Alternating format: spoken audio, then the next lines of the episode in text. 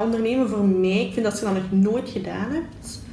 En zit daar ook niet mee opgegroeid, dan is dat echt gewoon iets wat, dat moet zo rijpen. Je moet daar zo klaar voor worden. Je zit dat niet plots.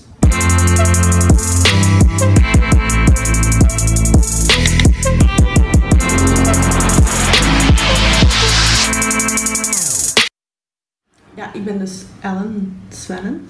Ik kom eigenlijk uit Hasselt, wat je misschien af en toe wel wat zult horen. Ehm, ik woon nu al acht jaar in Gent. Heel veel mensen starten als zelfstandigen omdat ze een achtergrond in iets bepaald hebben. Bijvoorbeeld, ze zijn grafisch ontwerper of ze willen kunstenaar worden of ze hebben elektriciteit gestudeerd en denken dan van ja, ik ga dan, ik ga dan ondernemen, ik ga zelfstandig worden. Bij mij is het altijd geweest, ik wou graag zelfstandig worden, maar ik wist begot niet en wat, ik had geen idee. Dus dat is altijd mijn grote probleem geweest, dat ik een idee moest verzinnen wat ik uit kon voeren als zelfstandige. Dat vond ik eigenlijk het moeilijkst. Ehm, en dan een paar jaar daarvoor eigenlijk was ik op reis in Italië. En zat ik gewoon op een terras, was ik met, mijn vriend, dat is nu mijn man, bezig over ehm, kleding. Daar hadden ze ook zo'n H&M, zo de typische dingen. En ik was dan aan het klagen, want ik had toen al zo het randje van de grote maten dat ik heel moeilijk kleding vond en niet modieus en dat er zo niets was. Dus in de gewone kleding eigenlijk al. En toen dacht ik van, ja, daar, daar, moet, daar moet meer in gebeuren. Daar moet meer in kunnen gedaan worden. Ehm, en vooral sportkleding, want ik tenniste toen nog heel veel. Ehm, en ik dacht van, ja, maar dat is, ja, de maten vallen daar zo klein. Je hebt daar een paar grote spelers zoals Nike en Adidas. Maar ja, in mijn maat was dat al super moeilijk. Dus dan moest ik al online gaan zoeken. En dan gelukkig dat dat allemaal was stretch, die stof. Maar ja. Ehm, dus had ik het idee van ja, misschien ook iets in sportkleding.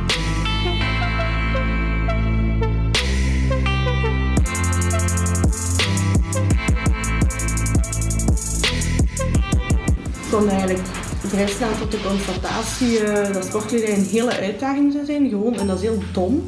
Want zoals ik er straks al zei, dat is stretch. En dat is dus, ik weet niet, moeilijk om te produceren. Want als je dat moet stikken en je moet dat laten maken, dan heel weinig mensen of heel weinig kleine ateliers willen dat doen. Dus je zit dan direct met grote fabrieken en grote merken die dat wel doen. Maar als je als individu wilt beginnen met een kleine sportlijn, dan, dan staat je direct voor uitdagingen rond productie en ik ken eigenlijk helemaal niets van die sector. Dus dan begon ik steeds meer en meer van te denken van oei, ja, dat is misschien niet zo, niet zo slim. En ik ben dan ook vrij intuïtief en ik, voor mij moet dat zo, dat moet op een of andere manier echt juist voelen. En dat sportidee zat wel, ik vond dat wel interessant, ik vond dat toch, maar ik heb zo nooit echt dat gevoel gehad zo in mijn buik van ja, dat is, zo, dat, is echt het, dat klopt. En ik denk dat ik me daar nooit volledig goed genoeg bij voel, omdat ik dat niet, omdat ik dat niet zag, hoe dat ik dat allemaal moest doen. En je kunt alles wel uitvissen onderweg, dat gaat wel. Maar als je zo van het begin al niet zo een pad ziet naar de eindstreep, is het ten eerste veel moeilijker en natuurlijk veel beangstigender, omdat je gewoon niet ziet hoe dat je daar ooit gaat geraken. Dus um, ja, dat noemen we dan atletica. Ik ben hier ook gestart onder de naam atletica bij Brio.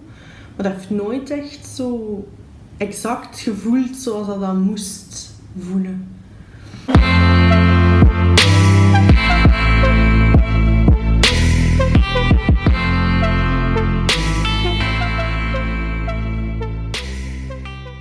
In mijn buik van, ja, dat is, zo, dat, dat is echt het, dat klopt. En ik zie hoe dat ik dat ga doen. Ik had zo niet direct zo'n pad.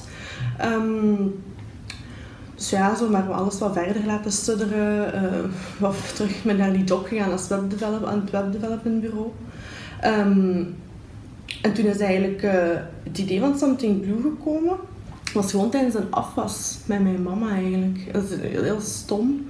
Um, ik had voor uh, de trouw van mijn schoonzus alles een kleed in China besteld. En ik was dan zelf verloofd op dat moment. En um, ik had al één of twee winkels gedaan. En ik had al zoiets van, ja oké, vergeet het maar. Dit doe ik echt niet aan. Dat wil ik niet. Um, en dan zei mama, waarom, waarom doe je dat eigenlijk niet? Want je doet dat voor je eigen. Je hebt zelf een kleed laten maken, een trouwkleed. Je hebt zelf al avondkledij laten maken. Dat gaat kei vlot. Waarom doe je dat niet? En ik was zo ping, het licht ging aan en ik dacht oké, dat is een geweldig idee. Het duo van is eigenlijk gewoon de grote mate bruids- en avondkledij. Dus het is niet alleen inkopen, zoals dat veel mensen zeggen. Het is van ontwerp dat moderner is en jonger is, tot productie en dan retouches en dan verkoop. Dus de bedoeling is echt om eigenlijk een merk uit te bouwen in avondkledij en bruidskledij. Het is dan heel concreet geworden, we zijn op huwelijksreis geweest, ook naar Taiwan. Mijn man was daar nog nooit geweest.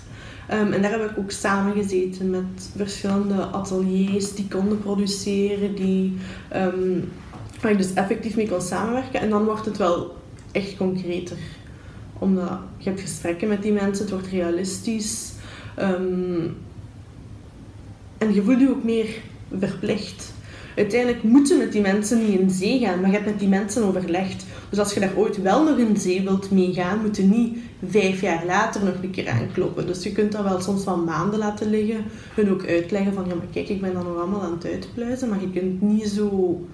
Allee, daar vijf jaar niets mee doen en dan achteraf nog, joehoe, ken je mij nog? Want dan is je geloofwaardigheid ook wel weg dit zie ik, dit weet ik hoe dat ik moet doen, ik weet wat daar mijn goestingen is, ik weet dat allee, wat ik daarvan wil, hoe ver ik dat wil ingaan. Dus uh, Something Blue is, allee, dat voelt voor mij ook volledig anders. Ook al ligt dat super dicht bij het oorspronkelijke idee, want het is gewoon hetzelfde doelgroep, hetzelfde markt, hetzelfde concept, gewoon een ander product eigenlijk heb daar ook heel snel afscheid van genomen toen het idee van Something Blue kwam. Omdat dat was voor mij zoiets van, ah ja, dit is beter. Zo, en ik heb dat gewoon direct aan de kant geschoven. Dat was zo, ik heb daar ook geen afscheid van moeten nemen. Omdat ik totaal niet getrouwd was of zo met dat idee. Dat was eerder zo van, ah ik heb een beter idee nu, dus we gaan met het beter idee vooruit. En ja, wat liet ik ging gewoon klaar.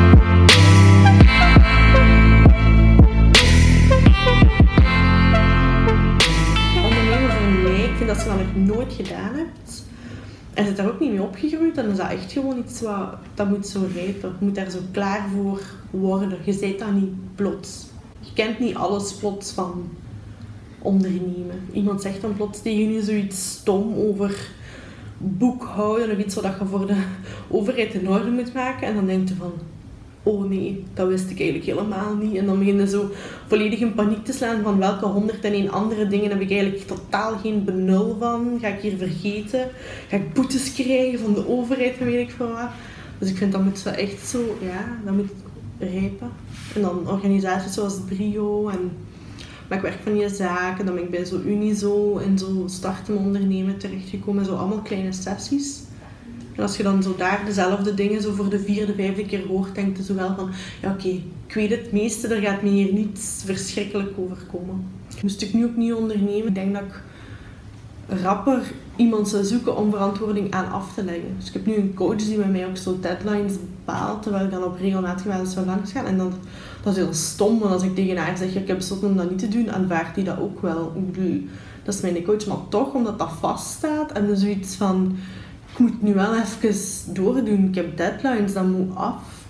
Um, dus denk ik gewoon, ik denk wel dat ik efficiënter zou zijn. Moest ik nu opnieuw ondernemen, denk dat ik veel rapper mijn vragen zou stellen, veel rapper informatie zou gaan invullen, veel rapper uh, um, zelf een actie zou schieten. Mijn systeem nu dat is zo heel stom, maar dat werkt. En dat is ook wetenschappelijk bewezen. Als je doelen opschrijft, dat je allee, die veel makkelijker kunt bereiken, omdat het dan veel concreter wordt dan iets gewoon in je hoofd. Dus ik heb gewoon een whiteboard met alle dagen van de week. En dan heb ik post-its met alle categorieën in mijn ondernemen. Dus dat gaat over ontwerpen, uh, strategie en financieel is een categorie, blind spots is er zelfs eentje. Dus ik meestal op zondagavond, zou ik moet nadenken van, ben ik geen categorie aan het vergeten of zo. Um, retouches en snit. Dus ik heb zo allemaal dingen die voor mijn bedrijf relevant zijn.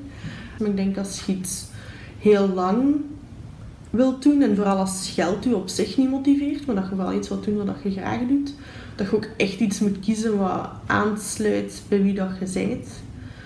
Want ja, ik zie, anders zie je dat je jezelf iedere dag niet doen. En dat is goed als je inderdaad wel gemotiveerd bent door dat je kunt zeggen vandaag van oh, ik heb weer 1000 euro verdiend. Maar als het dat niet doet voor u, dan gaat iets moeten zoeken wat, wat je karakter wat weer spiegelt, denk ik. Dus, ja.